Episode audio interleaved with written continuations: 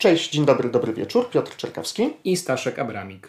Witamy w drugim odcinku podcastu Podwójny Seans, w którym za każdym razem zestawiamy ze sobą dwa tytuły połączone przez jakiś wspólny mianownik. No i tym mianownikiem dzisiaj będzie reżyser Luca Guadagnino, autor filmu Tamte dni, tamte noce i także autor filmu Nienasyceni. Ale to filmy, których tytuły polskie no, niestety nie brzmią najlepiej.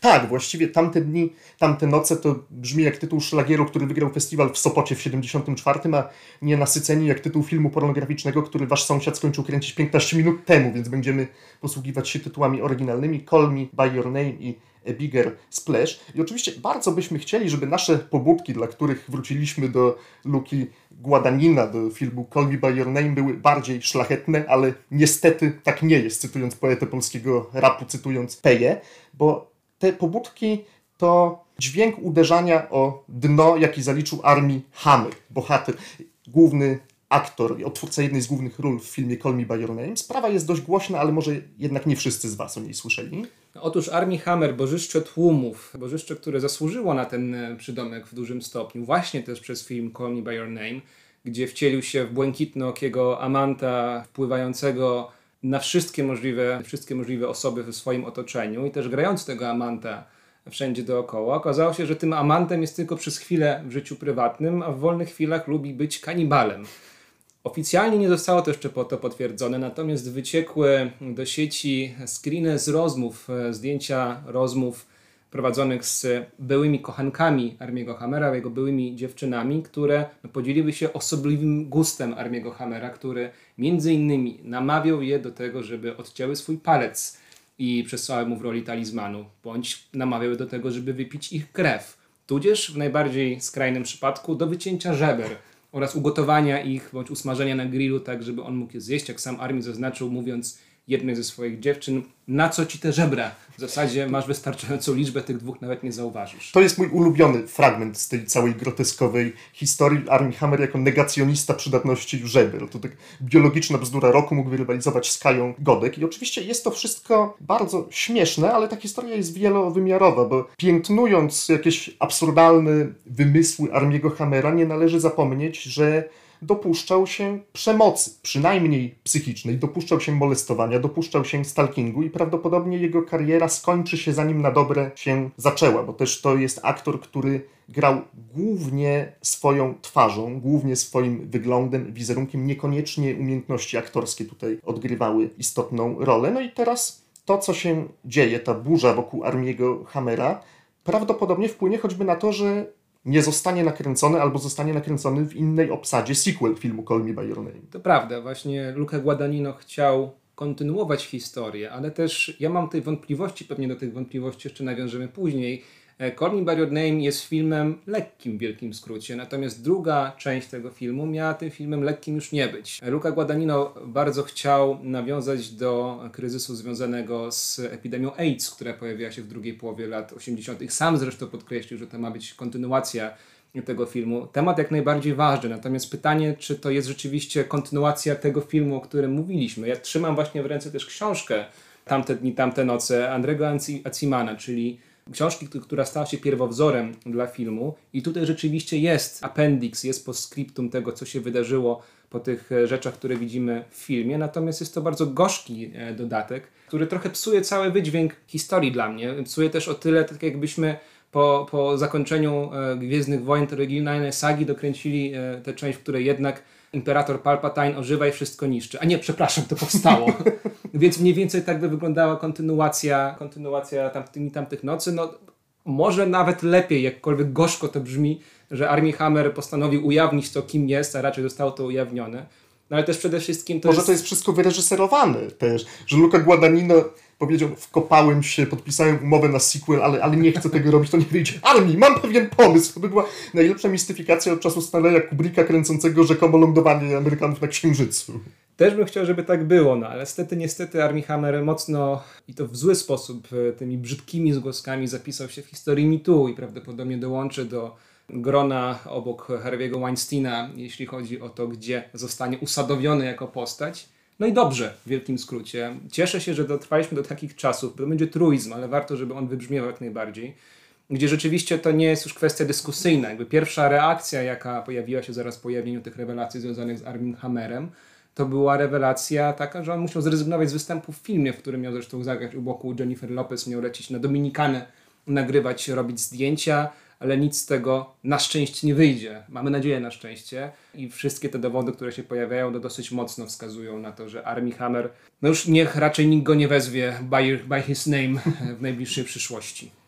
Tak, to było dość krzepiące w całej tej kuriozalnej sprawie. Rzeczywiście mało kto bronił Armiego Hammera, używając takich skandalicznych argumentów, jakie pojawiały się jeszcze kilka lat temu wobec innych osób oskarżanych na fali mitu, że przecież artystom wolno więcej. Ale niekoniecznie gotowanie żeber ludzkich, to też to jest ten punkt, do którego chyba udało nam się jednak cywilizacyjnie dojść.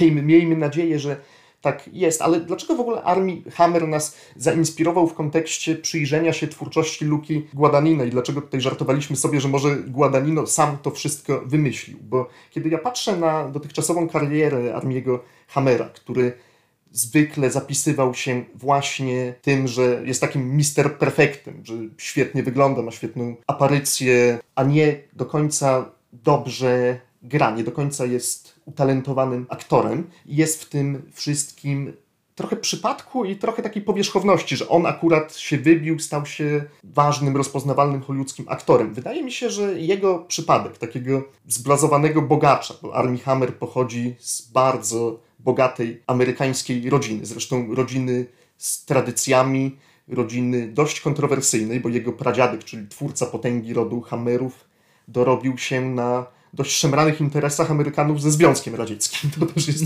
skądinąd interesujący wątek. O jego gustach kulinarnych nic nie wiadomo, no ale Hammer jako dziedzic pewnej fortuny, który jeszcze wygrał na loterii genetycznej, jest obdarzony znakomitym wyglądem, a jednocześnie wydaje się kimś zblazowanym, znudzonym, poszukującym podniet niezdrowych. Bardzo pasuje do uniwersum, jakie portretuje w swoich filmach Luca Guadagnino. Przecież jak spojrzymy na jego twórczość, to są trochę opowieści o bogaczach, ludziach uprzywilejowanych, którzy nie do końca wiedzą, jak pokierować swoim życiem. Więc tutaj kino spotyka się z rzeczywistością. No niestety dla Luki Guadagnina rzeczywistość przekroczyła jego wyobrażenia, trochę, trochę pobiła jego inwencję i wyobraźnię. Ja to może streszczę. To są problemy pierwszego świata. w wielkim skrócie. Oczywiście rozbudujemy to jeszcze w jakąś większą całość. Natomiast to rzeczywiście są trochę problemy pierwszego świata, które obserwujemy. Zwycięstwem Luki Guadagniny jest to, że te problemy pierwszego świata robi atrakcyjnymi. Pokazuje to, to, to hasło, problemy pierwszego świata zostaje rozbudowane znacznie mocniej i pokazuje, że coś za nim może być. To może być historia, która mnie, człowieka zarabiającego na granicy godności, e, może ta historia zainteresować. To jest w pewnym sensie zwycięstwo właśnie zwycięstwo reżysera, który potrafi opowiadać o problemach ludzi, którzy absolutnie mnie nie dotyczą i raczej nigdy nie będą dotyczyć, chyba że jakiś szejk postanowi przelać mi nagle duże, duże pieniądze na konto. Więc to jest też jego zwycięstwo. Natomiast też ja, ja się cieszę, że przywołaliśmy tutaj w tej dyskusji dzisiaj A Bigger Splash, czyli nienasyconych, ponieważ tutaj Guadagnino sobie przypomina, że oprócz tych problemów pierwszego świata są też problemy na drugim, trzecim, czwartym planie, które de facto są najważniejszymi problemami i potrafi je bardzo umiejętnie, bardzo dyskretnie E, i bardzo ciekawie przywołać, pokazać, udowodnić, że potrafi u nich, o nich opowiadać. Ale zanim do nich przejdziemy, to jeszcze wróćmy właśnie do tego, do tej powierzchowności, którą teoretycznie porusza Guadagnino, ale to sama powierzchowność tylko nie jest. No, o to można się kłócić, o to można się spierać, bo jeśli ktoś formułuje jakieś zarzuty wobec Call Me By Your Name, to właśnie dotyczące tego aspektu, że to życie bohaterów jest wyidealizowane, że tak naprawdę ludzie chcieliby mieć takie problemy jak oni. Wydaje mi się, że w Call Me By Your Name Guadagnina akurat wychodzi obronną ręką. Jest w stanie przeciwstawić się tym zarzutom, ale jak spojrzymy na jego karierę w szerszym kontekście, to coś jest na rzeczy. Kiedy ja myślę o tym, jak Guadagnino dochodził do swojej pozycji w światowym kinie, mam poczucie, że coś tu nie gra, że jest jakaś, jakaś niekonsekwencja w jego, w jego poczynaniach, że on stoi w jakimś rozkroku ideologicznym, bo z jednej strony on bardzo by chciał pozować na skandalistę, wypowiada się radykalnie na tematy polityczne. Nie wiem, czy zajęła się nim już reduta dobrego imienia, czy to jeszcze nastąpi, ale powiedzmy sobie szczerze, Luca Guadagnino szkalował papieża Polaka. W wywiadzie dla Onetu Anny Tatarskiej powiedział takie barwne zdanie, że wedle jego opinii Jan Paweł II to jest najbardziej negatywna postać lat 80., polityki lat 80. obok Reagana i Margaret Thatcher, z czym można się zgodzić mniej lub bardziej, ale mówił też chwilę później, że on go nie znosi dlatego, że ten sojusz trzech wielkich przywódców doprowadził do zniszczenia Związku Radzieckiego. że on, jako ktoś, kto sympatyzuje z ideami komunistycznymi, się na to nie zgadza, że czuje nostalgię, że jest mu żal. No a chwilę później Luca Guadagnino kręci filmy o uprzywilejowanych bogaczach, którzy przeżywają swoje egzystencjalne cierpienia, nie musząc troszczyć się w ogóle o o byt. I gdybyśmy chcieli poszperać trochę w filmografii Guadagnina, takich sprzeczności dość irytujących i budzących mój duży dystans wobec tego reżysera będzie całkiem sporo. Guadagnino zazwyczaj, kiedy opowiada o historii jako takiej, historii pisanej przez wielkie H, umieszcza ją gdzieś w tle. To rzeczywiście są takie opowieści, które raczej towarzyszą na zasadzie sentymentalnych wycieczek muzycznych, artystycznych, związanych z szeroko rozumianą sztuką, popkulturą, modą i tak to rzeczywiście w każdym filmie to jest bardzo, bardzo drobiazgowo przemyślane. I takim jedynym filmem, gdzie to się wybija w jakiś sposób, to jest Suspiria, film, który rzeczywiście przenosi nas do konkretnej epoki w czasie i gdzie ta epoka ma znaczenie nie tylko jako tło, ale też jako równorzędny bohater w dużym stopniu. Ta epoka to czasy zimnej wojny, to Berlin podzielony murem, mamy szkołę tańca, która z jednej strony jest zachodnio-niemiecka, ale w duchu jest bardziej wschodnio-niemiecka, jeśli chodzi o rygor. Zmieszają tutaj dwa światy, gdzie mamy trochę zachodu, mamy trochę wschodu, mamy trochę jakiejś tajemnicy, która pewnie za murem z drugiej strony wyglądałaby e, ciekawiej. I to jest jedyne miejsce, gdzie rzeczywiście ja widzę tę większą historię u Guadagnino. Tak to ta historia pojawia się w drobniejszych sprawach. W Call Me By Your Name tej historii jest mnóstwo rozproszonej rzeczywiście. Też do tego nawiążemy później, bo tutaj Quart robi to bardzo umiejętnie, ale jednak rzeczywiście najważniejsze są problemy pierwszego świata wciąż. Bardzo, bardzo apetycznie opowiedziane. Armii Hammer polubiłby to słowo. Bardzo apetycznie opowiedziane, ale jednak problemy pierwszego świata. W A Bigger Splash to tło jest ważniejsze i ten film, który co prawda ma 5-6 lat, już minęło od jego premiery, to i tak jest bardzo aktualny. Prawdopodobnie za kilka lat będzie jeszcze bardziej aktualny, gdzie kryzys e, współczesności, który się pojawia, o którym powiemy za chwilę, e, ma coraz większą siłę i coraz bardziej się pojawia rzeczywiście na mapie politycznej.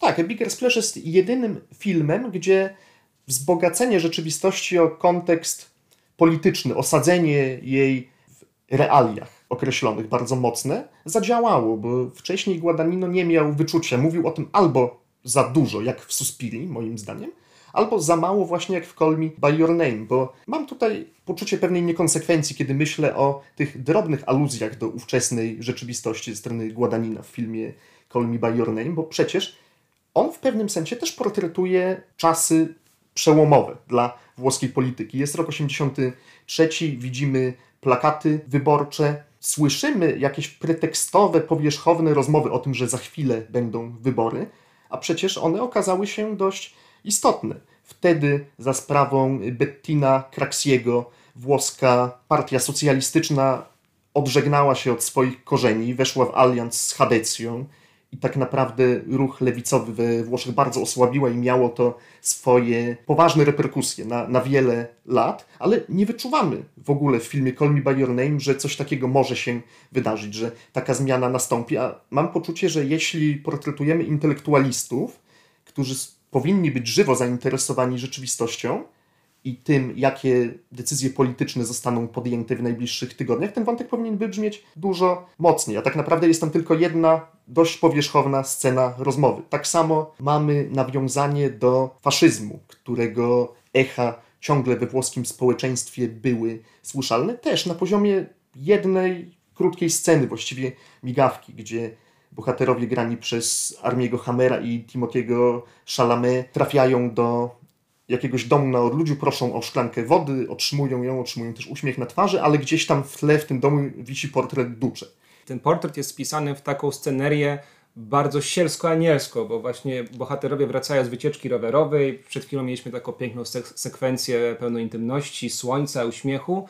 I nagle pojawia się gdzieś ten portret Ducze przy okazji i on jest raczej humorystycznie pokazany, bo i Timothy, i Army, czyli e, i Elio, i Olivier filmowi śmieją się z tego portretu, śmieją się z tej całej sytuacji, która się pojawiła i też widzowie się śmieją, że a, taki folklor, taki, takie jakieś odbicie i rzeczywiście ta dusza włoska jest trochę wyśmiewana moim zdaniem w tym filmie. Dla mnie takim przykładem quasi politycznej rozmowy jest, jest dyskusja na temat śmierci Benuela.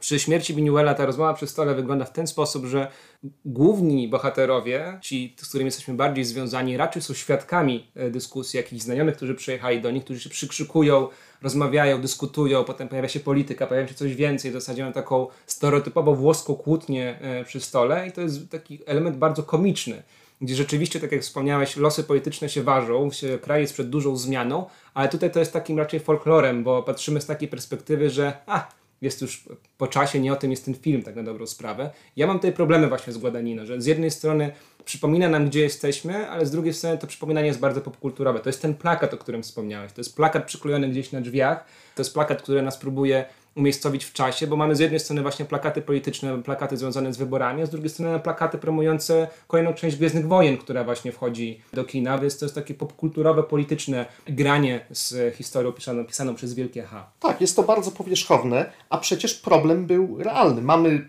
humorystyczną scenę z z portretem Duce, a przecież partia neofaszystowska była wówczas w włoskim parlamencie. Miała jakieś 7% poparcia, otwarcie odwołująca się do, do faszystowskich korzeni. Akurat scena rozmowy przy stole, ona się jakoś broni, bo jest autentycznie zabawna. Tam mamy tego groteskowego gościa głównych bohaterów, który ubolewa nad śmiercią Luisa Buñuela, a przecież on byłby jako arystokrata pretensjonalny pierwszą osobą, którą Buñuel wyśmieje.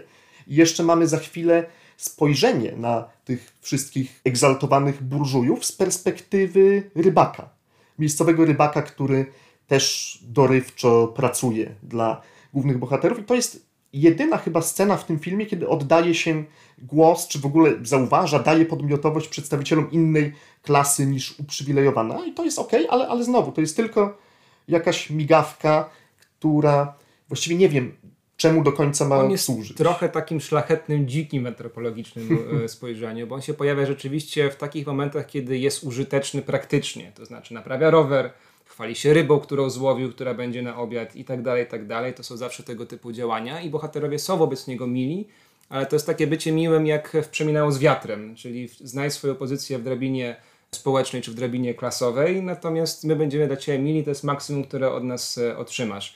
Teraz mam wrażenie, że e, wychodzi z tego, że nienawidzimy tego filmu, ale tak na dobrą sprawę warto wspomnieć na dzień dobry o tym, co w jakimś sensie można by inaczej poprowadzić naszym zdaniem w Call Me By Your Name. Świetnie jest pokłócić się z Luką, Luką Guadaniną, który prawdopodobnie właśnie zajada kawior i pije szampana w swojej wielkiej rezydencji. To ja bym jeszcze, skoro mu tak dobrze, jeszcze bym się nad nim poznęcał przez chwilę, po czym powiem, dlaczego mimo wszystko lubię film Call Me By Your Name, ale dużo mam zarzutów wobec filmu Call Me By Your Name, zwłaszcza po kolejnym seansie, bo jak mówiłeś o tym, jak Luca Guadagnino portretuje Włochów w ogóle, a zwłaszcza przedstawicieli niższych warstw włoskiego społeczeństwa, warto dostrzec, że on jest oto w ojczyźnie bardzo krytykowany od lat, że właściwie te Włochy u niego są pocztówkowe, że satyra na włoskie społeczeństwo jest rysowana bardzo grubą kreską. Też nie ma najlepszej prasy w ojczyźnie. Luca Guadagnino, on próbuje się kreować na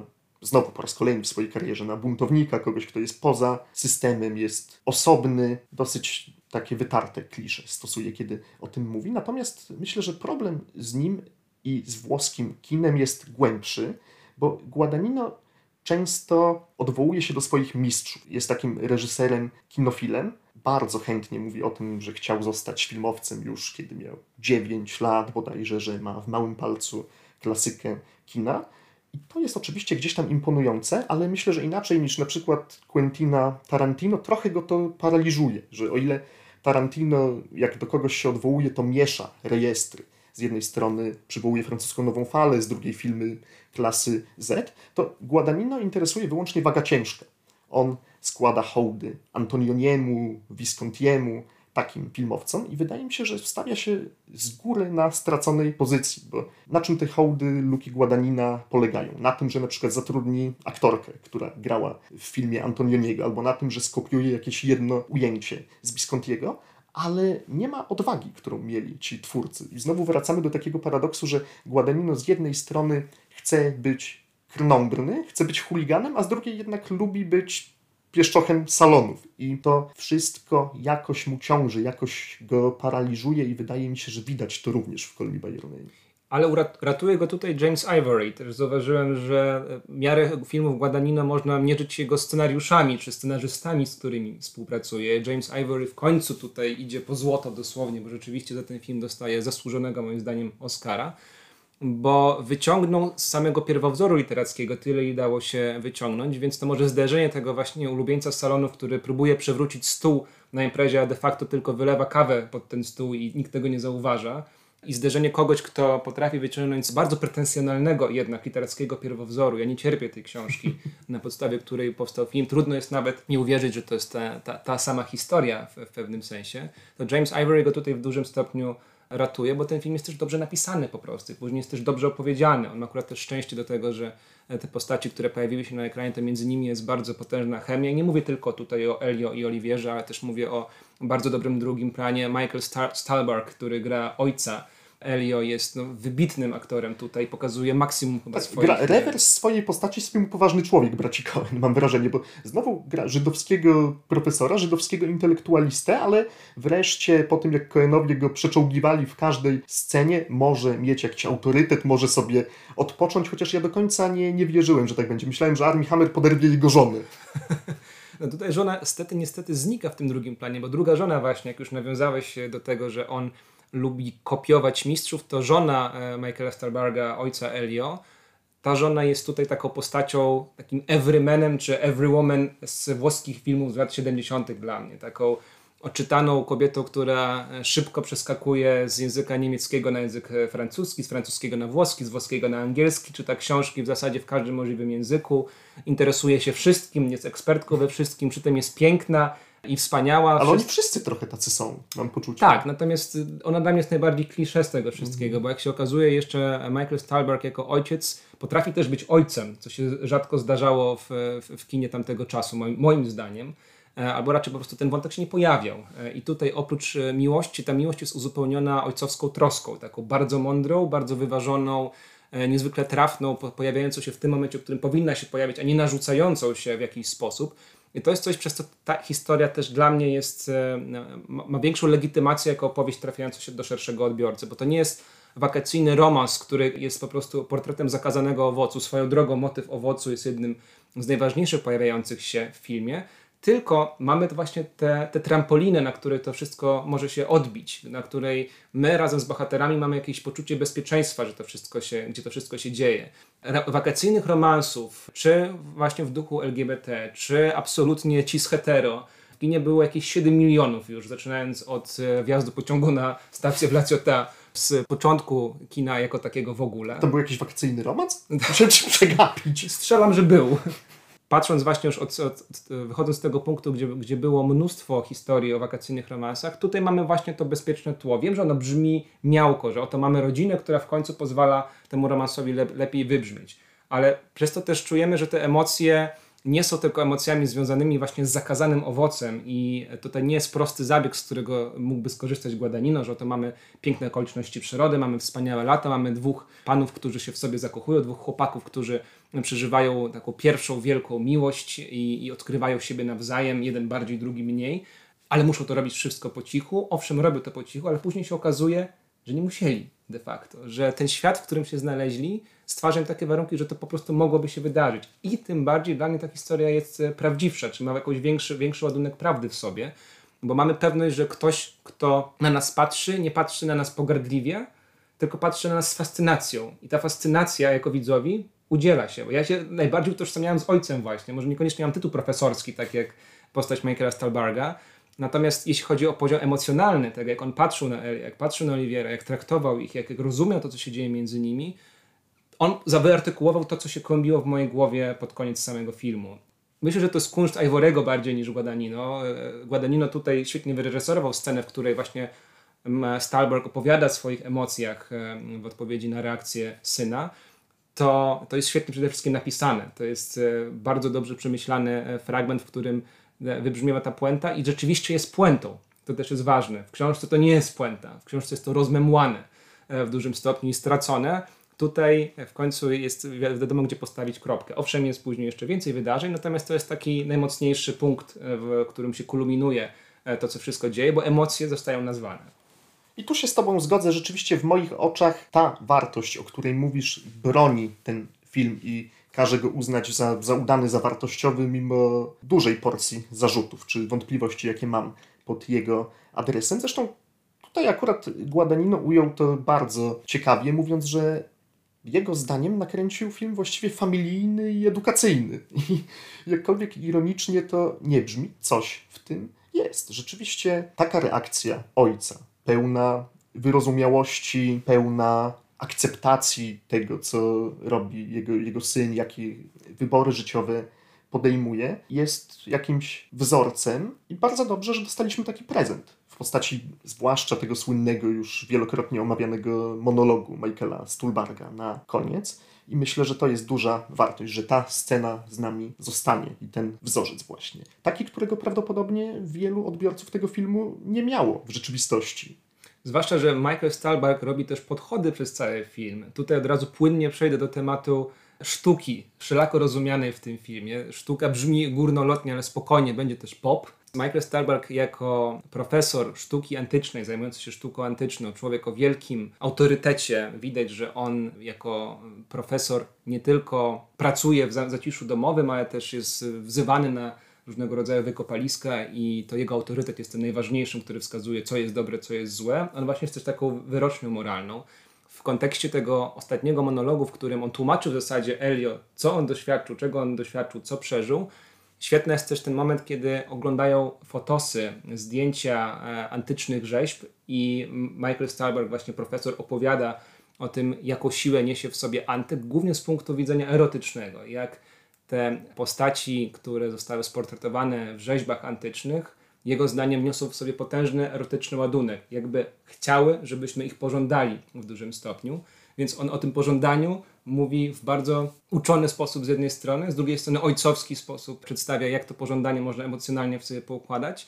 No i też koniec końców podkreśla, że to było z nami od zawsze, od kiedy człowiek tylko postanowił, żeby tworzyć, e, żeby działać w czymś takim, takim zjawisku jak kultura, co później się skończyło niestety studiami kulturoznawstwa dla niektórych, to jest coś, co w nas działa, kiełkuje i było już badane wielokrotnie, tylko niestety często muł historii zasypuje to, co już e, zostało nam zdążyliśmy odkryć i niestety z wymieraniem czy zanikaniem pewnych cywilizacji zanikają ich zdobycze, a my próbujemy je badać, zrozumieć i zinterpretować.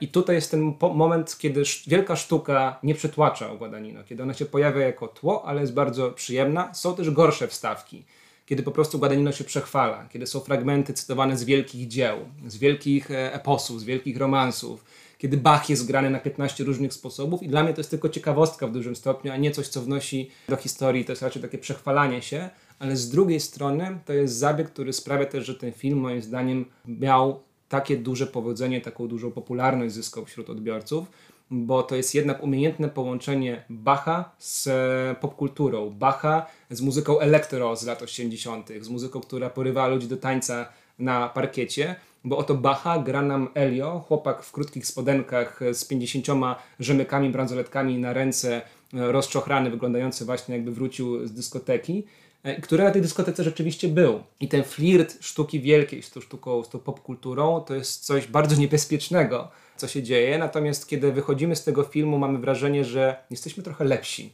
Że nawet jeśli tego Bacha nie przesłuchaliśmy zbyt wiele w życiu, no to ten film daje nam akumulatory, ładuje nam akumulatory na najbliższe trzy miesiące, jeśli chodzi o sztukę wysoką. I to jest takie piękne oszustwo, które też Guadagnino wprowadza w tym filmie i wprowadza w większości swoich filmów.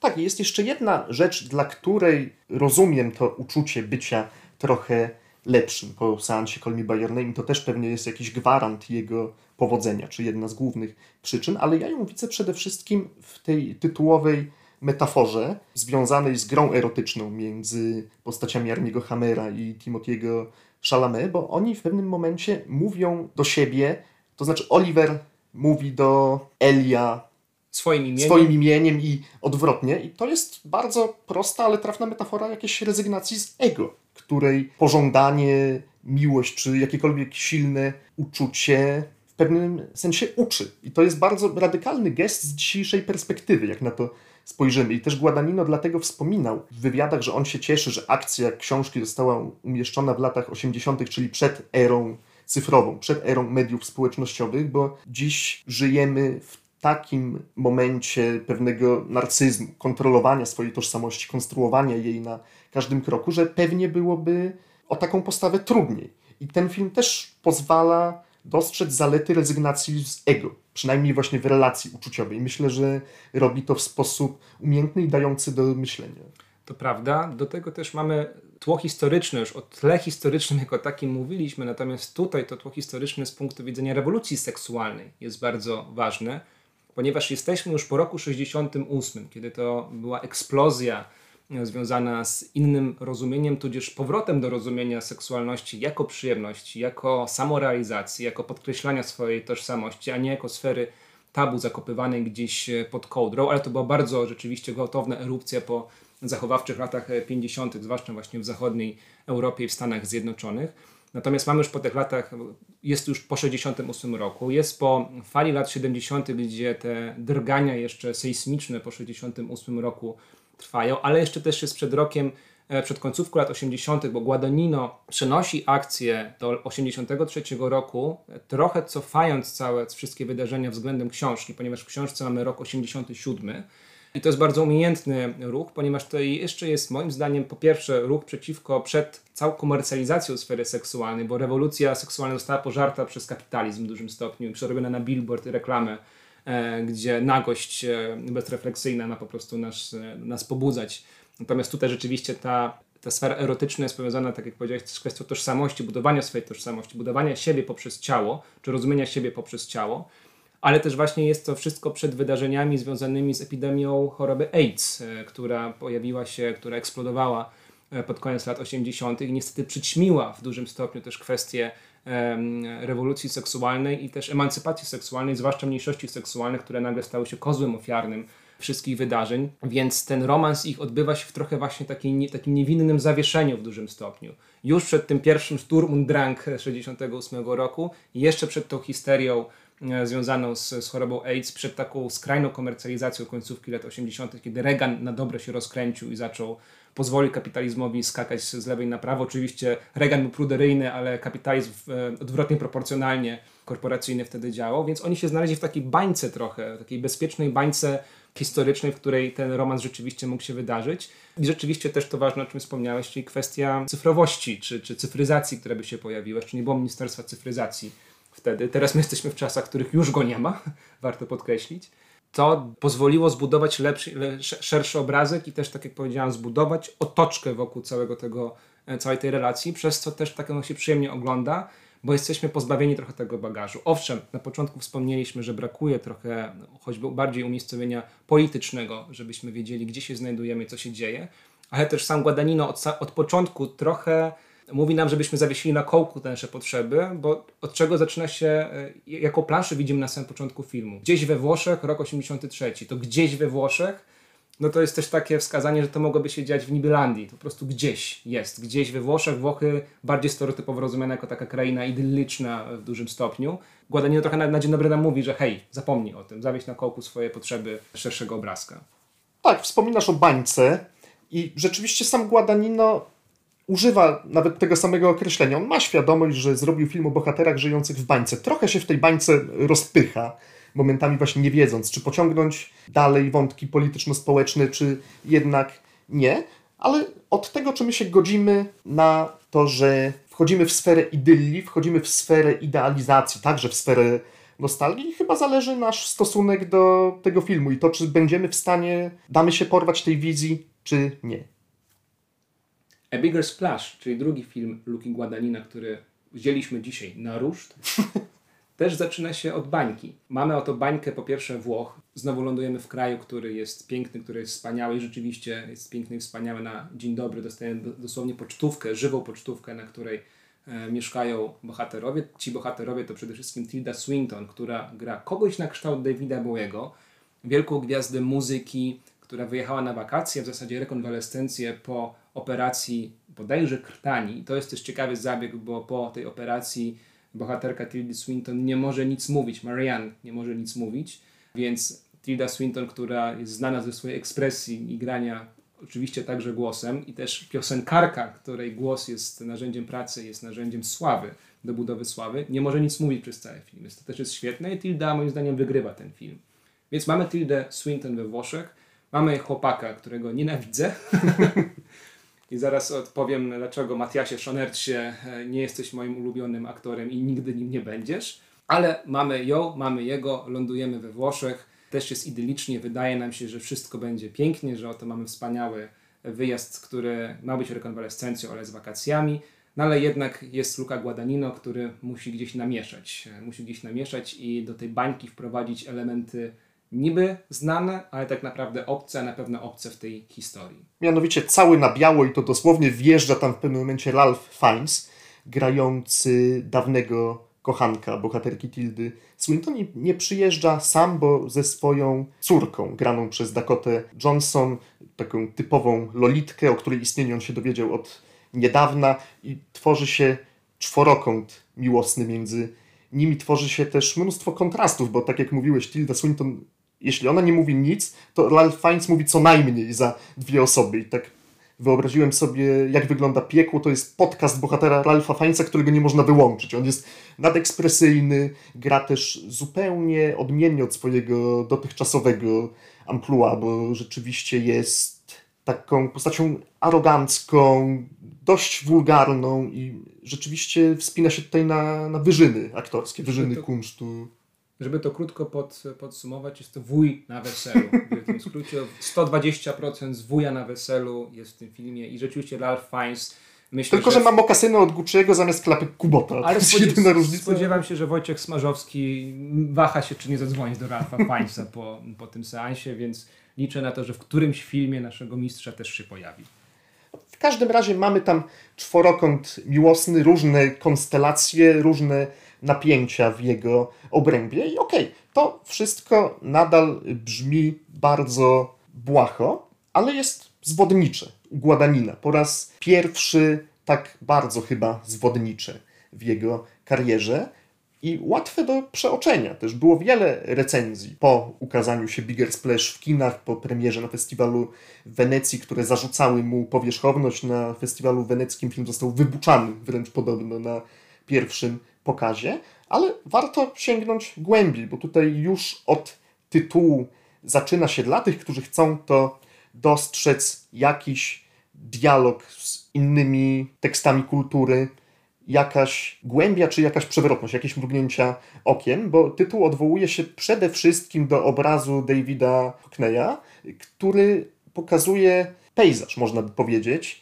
bardzo spokojny w pierwszej chwili, ale kiedy przyjrzymy mu się bliżej, on się staje mroczny, niepokojący, wzbudzający lęk, grozę i to samo dzieje się właśnie z filmem Luki Guadagnina. Na, na powierzchni wszystko jest piękne, ale jeśli podrążymy, tak naprawdę ten film okazuje się szalenie, szalenie niepokojący. I ten plusk tutaj jest ważny, czyli ten splash, bo rzeczywiście na obrazie Hockneya tym, co przykuwa, przykuwa przede wszystkim uwagę obserwującego jest ten plusk. Mamy idyliczną przyrodę, idyliczny świat, idyliczny domek gdzieś e, w jakimś pięknym miejscu, ale mamy ten plusk kogoś, kto skoczył do wody, ale nie wiemy, czy do tej wody sam skoczył, czy został wrzucony, czy to był efekt przypadku, czy efekt e, jakiejś grozy i i to rzeczywiście też pulsuje Guadagnino i ten plusk, ten splash rzeczywiście też fizycznie pojawia się na ekranie. On, e, Guadagnino animuje w pewnym sensie ten obraz, pokazując co się stanie, kiedy idylla zacznie skręcać w stronę, w stronę grozy i, i bardzo udaje mu się dobrze wyważyć ten ten moment, ale oprócz tej grozy pojawia się tutaj też tło e, polityczne, które jest bardzo ważne, czy raczej tło społeczno-polityczne, które pojawia się w najmniej spodziewanym momencie, a które zostaje bardzo, bardzo brzydko wykorzystane przez e, bohaterów i trochę jest takim kacem całej Europy w dużym stopniu. Więc my z jednej strony przyglądamy się tej wielkiej sztuce, patrzymy na ten film jak na obraz Hockneya, że oto bawimy się wielką interpretacją i szukamy czegoś więcej, natomiast e, Guadagnino tutaj się jakby wkrada do galerii, bierze pędzel i domalowuje postać imigranta, który próbuje się na ten obrazek pojawić, na tym obrazku pojawić. E, domalowuje go, go czarną farbą i próbuje zaznaczyć, że teraz ten obrazek jest dopiero pełny. Dopiero kiedy w tym całym, w tym całym obrazie pojawia się jeszcze ta postać, której staramy się nie widzieć i nie dostrzegać, która jest tylko gdzieś na ekranie telewizora, ale nie obok nas, to dopiero ten obrazek jest naprawdę pełny. Żeby jeszcze ten kontekst tutaj zaznaczyć, to mamy rok mniej więcej 2014-2015, kiedy kryzys imigracyjny w Europie, zwłaszcza we Włoszech, no jest u swojego szczytu. Tutaj tysiące, setki tysięcy osób próbuje uciec przed zniszczeniem, przed wojną, przed biedą, przed głodem z, z obszarów zwłaszcza afrykańskich, no i trafia na dzień dobry do Włoch. My, co prawda, obserwujemy przez większość filmu historię związaną właśnie z tymi przy, przywołanymi problemami pierwszego świata, jednak ten drugi plan, czy ten trzeci plan w zasadzie, jest tym, który najmocniej, przynajmniej w moim sercu, zapisał się po całym seansie. Myślę, że to było bardzo zamierzone przez Guadagnina, bo wieści ze świata, wieści dotyczące kryzysu migracyjnego przewijają się na ekranie. Funkcjonują gdzieś na przykład jako wiadomości radiowe czy telewizyjne, słyszane gdzieś w tle, ale bohaterowie kompletnie je ignorują, nie zwracają na nie uwagi. I to jest też klasa Guadagnina reżyserska, tego jak on opowiada tę historię, że właściwie przebłysk samoświadomości, trochę, trochę może przypadkowy, ale jednak wychodzi właśnie z, od tej ignorowanej, wyśmiewanej przez nas postaci Alfa Fańca, bo on w pewnym momencie mówi takie zdanie, że Europa właściwie jest grobem. I trafia w sedno, tylko że on sam tkwi w nim jedną nogą oczywiście, tak, tak jak no, wszyscy towarzysze. Te, ten moment się pojawia, kiedy czekając w, w kolejce do jakiejś ekskluzywnej restauracji rozstawiającej się w plenerze raz na jakiś czas, Ralph Fiennes postanawia załatwić swoje potrzeby i rzeczywiście zaczyna załatwiać te potrzeby, jak się okazuje później na grobowiec i jeden z bohaterów mu później przypomina, żeby jednak tego nie robił w tym konkretnym miejscu, bo właśnie załatwia swoje potrzeby na grobowiec, na co Ralph Fiennes odpowiada, cała Europa jest grobowcem co jest też gorzką puentą, ale też pokazującą, jaka perspektywa, jakiego perspektywa zblazowania w dużym stopniu gdzieś utkwiła między kościami w naszym patrzeniu na to, jak ten grobowiec wciąż jest budowany i zamiast przestać właśnie załatwiać swoje potrzeby, czyli sikać na ten grobowiec, to my dalej to robimy. I rzeczywiście funkcjonujemy w dwóch światach, które nie przystają do siebie w ogóle. Też fajnie opowiedzieć o Bigger Splash w kontekście późniejszego, bodaj o dwa lata filmu Fuoco Amaro Gianfranca Rosiego, który wygrał festiwal w Berlinie i był filmem dokumentalnym o życiu na wyspie Lampedusa, gdzie z jednej strony mieliśmy historię z punktu widzenia uchodźców, a z drugiej opowieść o dojrzewaniu dziewięcioletniego chłopca i te światy się kompletnie nie spotykają, mimo że dzieli je kilka kilometrów. I to, co Rozi zrobił w dokumencie, zapowiedział niejako trochę wcześniej Guadagnino na poziomie fabuły. I też nie robi tego wprost, ale jednak jest szalenie oskarżycielski wobec obojętności czy arogancji swoich bohaterów, a także całego środowiska, jakie reprezentuje również sam Guadagnino. Myślę, że nie bez powodu on czyni swoich głównych bohaterów, tę czwórkę, jakoś powiązanymi z, ze sztuką, ze światem artyzmu, czyli spodziewalibyśmy się po nich większej wrażliwości, jakiejś rozwiniętej empatii. Widzimy, że są to ludzie wyrafinowani, pełni erudycji. Na przykład bohater Paul, czyli partner Tildy Swinton, opowiada, że współpracuje, szuka lokacji dla Wiktora Kosakowskiego, czyli awangardowego rosyjskiego reżysera filmów dokumentalnych. Padają tam kolejne nazwiska innych ważnych artystów, ale, ale gdzieś gubi się zwykłe człowieczeństwo, jakieś takie najbardziej podstawowe odruchy zostają zagadane przez te pseudoerudycyjne gadki. Myślę, że to jest bardzo celne, bardzo mocne. Trochę przypomina mi w ogóle koncept z Nabokowa i z Lolity, gdzie też mieliśmy głównego bohatera sypiącego cytatami i odwołującego się do swojej znajomości kultury, do wielkiej teoretycznie ogłady, a nie posiadającego podstawowego instynktu moralnego. Tutaj jest coś podobnego i myślę, że nigdy dość przypominania, że nasza erudycja, czy takie mniemanie, jakie wyrabiamy o sobie samych na podstawie własnego gustu czy wiedzy, bywa, bywa bardzo zwodnicze. Skoro Lolita pojawiła się już na tapecie, to ja przywołam Dakota Johnson, czyli najmłodszą bohaterkę, którą widzimy w filmie A Bigger Splash bohaterkę, która jest de facto Lolitą, jest osobą, która nie powinna być oskarżana absolutnie, ponieważ jest, jest młoda i ta młodość w jakiś sposób ją usprawiedliwia w tych działaniach, które się pojawiają na ekranie. Te działania są absolutnie e, wampogenne, tudzież e, zbliżone do charakterystyki wampa. Osoby, która kusi, która wodzi na pokuszenie, która jest jednym wielkim chodzącym problemem, ale jakże pięknym problemem, ale też jest denerwująca, przynajmniej dla mnie. Być może ty będziesz jej bronił, natomiast to zdenerwowanie, które wywołuje we mnie jako widzu, podejrzewam, że było zamierzone ze strony Luki Guadagnina, natomiast w pewnym momencie moim zdaniem on gdzieś odpiął pas i, i puścił ten samochód e, przed siebie już bez kontroli właśnie z Dakotą Johnson na pokładzie, bo oto ona jako córka Ralpha Fiennesa, e, bohatera, który właśnie jest tym tytułowym wujem na weselu, który jest jedną bombą energetyczną, ale bombą, która wysysa energię ze wszystkich dookoła i zagarnia ją dla siebie, ona jest jego takim odbiciem e, w krzywym zwierciadle, czy w takim raczej niedomytym czarnym zwierciadle, bo też e, ma wielki kapitał popkulturowy, też w zasadzie mimo młodego wieku widziała wszystko, przesłuchała wszystkiego i rozumie wszystko, więc jest trochę taką zblazowaną hipsterką ala rok 2015. Natomiast e, niewiele więcej. I my możemy się przejrzeć w niej jako w, w, czarnym zwierciadle, gdzie też możemy stwierdzić, że już wszystko widzieliśmy, wszystko, wszystko słuchaliśmy, wszystko słyszeliśmy, wszystko już było. Natomiast tutaj nie ma żadnego rozwinięcia. Ona w pewnym momencie wodzi na pokuszenie, ale ja się tutaj utożsamiam z Tildą Swinton, która na koniec filmu daje jej w twarz i mówi dlaczego. Bo rzeczywiście to dlaczego nie, nie, daje, nie daje satysfakcjonującej odpowiedzi niestety. Ona milczy, też nie potrafi odpowiedzieć. Ale Guadagnino robi taki przegląd denerwujących postaci w tym filmie, bo z jednej strony właśnie mamy Dakota Johnson, zblazowaną, zblazowanego wampa, który próbuje e, wodzić na pokuszenie jednego z bohaterów. Tym bohaterem jest Matthias Schoners, czyli człowiek, o którym wspomniałeś, fotograf, też człowiek pracujący w filmie, który jest małomówny, mrukliwy, piękny, e, ale nijaki e, przez e, tę swoją blazę. W zasadzie trudno wykrzesać z niego ikrę. Jest bezpieczny, jest opiekuńczy, ale w tym swojej tej opiekuńczości często nadopiekuńczy. Co może prowadzi... realizuje się na sekretnym koncie na Instagramie. Być może, być może gotuje żebra, kto go, kto go wie. No i mamy oczywiście Ralpha Fiennesa, czyli wuja z wesela, który e, cały czas wspomina, jak to kiedyś wciągnął kreskę koksu z Rolling Stonesami, dalej go trzyma e, prawdopodobnie. To chyba nie jest wielkie osiągnięcie wciągnąć kreskę koksu z Rolling Stonesami, wystarczyło ich znać, tak że, sądzę. Że przechodząc na ulicy obok mogło to się udać. No i mamy też Tildę Swinton, która jest obiektem pożądania wszystkich i każdego e, jednocześnie, przede wszystkim Ralpha Fiennesa i Matiasa Schonerca. Ralph Fiennes widzi w niej chyba stare dobre czasy, które już się skończyły, ale on nie chce, żeby się skończyły, więc próbuje je na siłę, dosłownie gwałtem przywołać.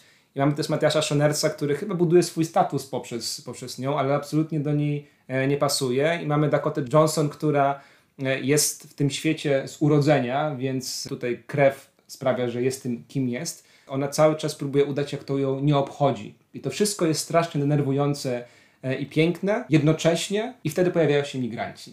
Wtedy pojawia się ten świat, w którym te problemy, które obserwujemy, okazują się być błahe, bo kiedy rozmawiasz o tym, jak było się bogatym, jak jest się bogatym i jak będzie się bogatym, nagle pojawia się ktoś, kto nie ma niczego i niczego prawdopodobnie nie będzie miał. To ktoś, kto nie tyle nie ma takiej tożsamości, tak różnorodnych tożsamości, jaką mogą mieć bohaterowie, ale tej tożsamości prawdopodobnie nie ma w ogóle.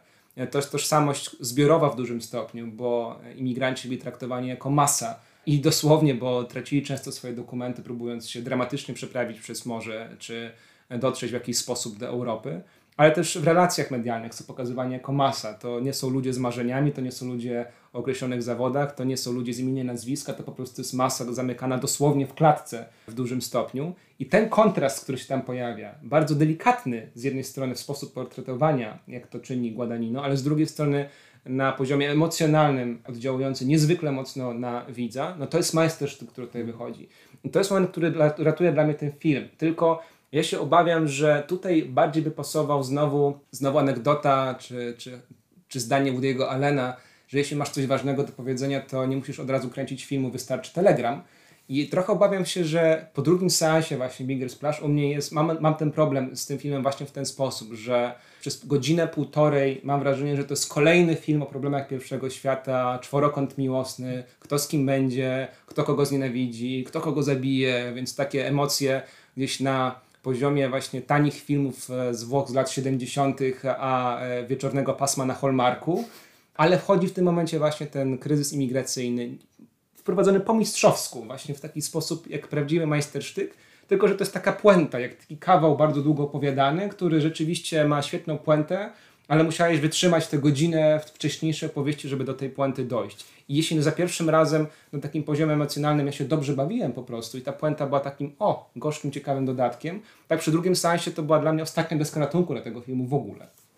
Bo te dwa światy też w końcu się zderzają. Myślę, że to jest istotne. Właściwie pojawienie się imigrantów jest bohaterom na rękę. Oni przez to, że mają na kogo zwalić swoje winy, zrzucić grzechy, jakie sami popełnili, tak naprawdę ratują się od konsekwencji ze względu na pewne działania, jakie nastąpiły w tym układzie, na przekroczenie prawa, na, na coś gwałtownego. I to jest może po latach też najbardziej wymowne w filmie Guadagnina, że w pewnym sensie, jakkolwiek cynicznie czy okrutnie to nie zabrzmi, pojawienie się imigrantów jest pewnym siłą, czy pewnej orientacji politycznej na rękę, bo jest przy ten przysłowiowy kozioł ofiarny, na którego można zrzucić swoje grzechy. I tutaj to działa na poziomie czwórki zblazowanych artystów, ale działa też na poziomie w skali makro, można na tym zbijać kapitał polityczny. Pod tym względem ten film wydaje mi się dosyć profetyczny i ten wątek broni go także, także po latach. Jest taki moment, kiedy okazuje się, że ten świat trochę niżej od tego wielkiego świata na piedestale, na świeczniku, czyli właśnie świata głównych bohaterów, mimo wszystko rozumie ten dysonans i to ślepe zapatrzenie, które by się wydawało głównym punktem spojrzenia na, na, na gwiazdy, czy to piosenki, czy, czy filmu, czy sztuk, szeroko rozumianej sztuki i popkultury.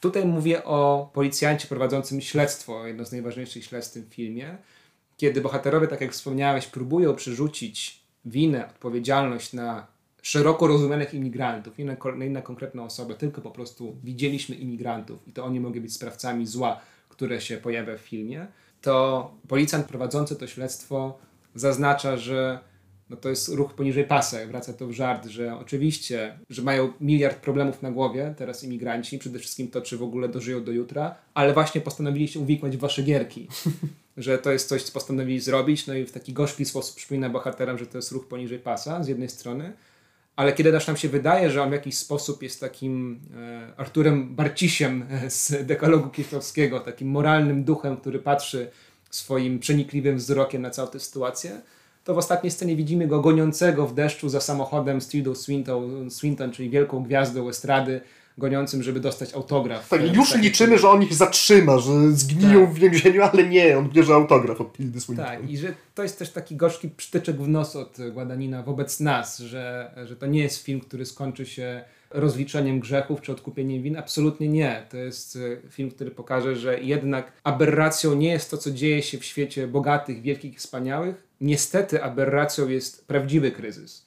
Że ten prawdziwy kryzys jest czymś, co prędzej czy później może nas dotknąć, raczej później, e, jak się okazuje, niż, niż prędzej, ale jednak może nas dotknąć. A wciąż tym, co będzie się podbijało lepiej na pierwszych stronach gazet, czy w świadomości zbiorowej, przynajmniej w tej części świata, w której my się znajdujemy, są te pudelkowe wydarzenia, które on, plotkarskie wydarzenia, które on pokazuje na pierwszym planie. To ja może jeszcze tylko przygotuję mowę obrończą na rzecz Dakoty Johnson, bo jednak być może idealistycznie, być może tutaj błądzę, ale mnie ona się wydała najmniej jeszcze zdeprawowana z grona całej tej czwórki głównych bohaterów i z nią jest trochę jak z tym filmem w ogóle, że wydaje nam się w pierwszej chwili totalnie płytka, powierzchowna i niewarta uwagi, a jednak skrywa w sobie coś więcej. Jest dużo bardziej samoświadoma niż bylibyśmy skłonni zauważyć po pierwsze gra swoim wiekiem, o czym już wspomniałeś. Po drugie, co też jest dość wymowne, udaje, że nie zna języka włoskiego, a potem odsłania się z tym, że, że mówi po włosku doskonale, jako jedyna z grona głównych bohaterów. I myślę, że ona rozumie dużo więcej niż po sobie pokazuje, że też początkowo prowokuje, bierze udział w gierkach pomiędzy bohaterami, ale potem, potem się z nich wycofuje nie do końca należy do tego towarzystwa. Patrzy na nich trochę z zewnątrz, trochę osądzająco i być może jest jedynym źródłem jakiejś delikatnej nadziei w tym filmie. No kto, jeśli nie ona, kiedy reszta bohaterów wspomina o tym, jak była wielka w latach 70., jak została ukształtowana przez fenomeny, które dzisiaj nie mają już żadnego znaczenia. Rolling Stonesi, glam rock, to wszystko było fajne, ale skończyło się. Jest melodią przeszłości. Może ona jako jedyna jest wychylona w przyszłość. Tylko to wychylenie w przyszłość jest dla mnie gorzkie. Ja wiem, że to jest mowa obrończa i teraz już powinienem zamilknąć jako prokurator w tym zestawieniu. Natomiast dla mnie to jest bardzo gorzkie wychylenie w przyszłość, bo ona dla mnie jest takim klapsem dla hipstera, to co się rzeczywiście z nią dzieje, bo ona dostaje w pewnym sensie nauczkę za, za swoje eksperymenty w dużym stopniu, bo to nie są z gruntu złe, z natury złe e, działania, które się pojawiają. No rzeczywiście jest tym wampem, jest to kusicielką, o której, której rozmawialiśmy i też świadomą kusicielką, bo mimo swojego wieku absolutnie wie w co gra, e, jaką grę gra, natomiast rezultat tej gry przechodzi jej najśmielsze oczekiwania e, w dużym stopniu, bo ona uruchamia lawinę w pewnym sensie, która doprowadza do największej tragedii w tym filmie czyli do tego tytułowego plusku, który e, kończy się rzeczywiście tragedią. Ale też trudno powiedzieć, co będzie wynikiem tego, tego wydarzenia. No dostaje w twarz i metaforycznie, i w twarz od Tildy Swinton na pożegnanie, kiedy już wylatuje z Włoch, wraca do siebie, do kraju, do Stanów Zjednoczonych. Trudno mi powiedzieć, czy ona wynosi jakąś nauczkę. Może nauczką jest to, że ten świat, który E, z jednej, z jednej strony gardzi, ale który w jakiś sposób jest fascynujący, bo gdzieś przebywa mimo wszystko w otoczeniu, zdecydowała się e, wziąć udział w tej grze ze wszystkimi, nie musiała przylatywać na, na te wakacje, jednak przyleciała. Natomiast e, próba zanurzenia się w ten świat kończy się właśnie zimnym deszczem, dosłownie, bo Guadagnino też wylewa kubeł zimnej wody na nią. No i tym uderzeniem w twarz, metaforycznym i dosłownym, gdzie my, którzy moglibyśmy się w jakimś sensie, w jakimś sensie z nią identyfikować jako widzowie, jako ci, którzy trochę biorą udział w tej grze, ale trochę ją bardziej obserwują, są z jednej strony tutaj, z drugiej strony tam i to utożsamianie się kończy się właśnie takim, takim hasłem nie próbuj, nie próbuj, to nie jest twoja gra, nie, jak spróbujesz zagrać, to jedyny wynik to, to, to przegrana. No tak, albo ona jest jedyną postacią, która jeszcze ma szansę jakoś się zrehabilitować, w której może zajść jakakolwiek przemiana. No może wszyscy jeszcze mamy okazję, żeby jakoś się zrehabilitować, ale w momencie, kiedy mówimy, że naszą nadzieją będzie Dakota Johnson, chyba musimy skończyć ten odcinek. Być może w Nienasyconych dwa zobaczymy, jak pracuje na, na łodzi ratujących imigrantów pływających wokół Włoch. No to czekam na ten film chyba bardziej niż na, na Call Me By Your Name 2 i zachęcam, tak jak chyba też się pod tym podpiszesz, żeby obejrzeć oba te filmy, najlepiej jeden po drugim, i Call Me By Your Name, i Nienasyconych. Ciekawi jesteśmy, bo przynajmniej w moim odczuciu, co może być trochę kontrowersyjne, nienasyceni raczej zyskują po kolejnym seansie, Call Me By Your Name niekoniecznie. U mnie jest na odwrót, absolutnie, bo ja oglądałem pierwszy raz Nienasycony w kinie, rzeczywiście gdzieś w okolicach premiery tego filmu kilka lat temu niedawno przypomniałem sobie w domowych warunkach i byłem zdziwiony, że za pierwszym razem tak bardzo mi się podobało. Właśnie to, co wspomniałem, przede wszystkim ten, ten moment śledzenia historii, którą widziałem już wiele, wiele razy, która nie wnosi nic nowego poza tą woltą końcową, gdzie właśnie pojawia się ten element imigracji, to dla mnie to jest no, jeden z tysiąca filmów, które rzeczywiście już powstały, zrobiony ładnie, zrobiony dobrze, ale mimo wszystko denerwujący. Więc ja tutaj no, mam problem z nienasyconymi, aczkolwiek zachęcam do zobaczenia, bo to jest wciąż dobre kino. Żeby wszyscy robili tak złe filmy, jak, jak złe filmy robi Guadagnino, to świat byłby lepszy znacznie. Natomiast u mnie Call Me By Your Name zyskuje po kolejnych seansach, bo to jest film, gdzie rzeczywiście zaczynam doszukiwać się tła e, i zaczynam polować na te, te konteksty, o których wspomnieliśmy na początku, tych, których mi brakuje w jakimś sensie, ale z drugiej strony Guadagnino tak dużo smaczków poukrywał, tak dużo historii jeszcze, które opowiada ten świat dookoła, ten świat niematerialny w dużym stopniu, że nad obserwowanie tego tła, wyłączenie się trochę z tej historii też jest wielką przyjemnością. To jest film tak przyjemnie wystylizowany, ale nie przystylizowany, że dla mnie drugi, trzeci seans no, jest czymś wspaniałym. Ba, mam zamiar w okolicach marca wybrać się na pokaz w NFM-ie. Zrobię tutaj od razu kryptoreklamę, ponieważ jest splanowany pokaz z muzyką e, na żywo, bo wciąż mam głód oglądania tego filmu i absolutnie nie traktuję tego jako jakiegoś wstydliwego guilty pleasure. Piotrze, Piotrze, Piotrze, dziękuję Ci bardzo za dzisiejszy podcast. Staszku, Staszku, Staszku, zapraszam Cię na coś słodkiego, najlepiej jakieś owoce. Słuchajcie nas w następnym odcinku. Mamy nadzieję, że w przeciągu tygodnia, dwóch będzie kolejny podcast. Do zobaczenia. Cześć.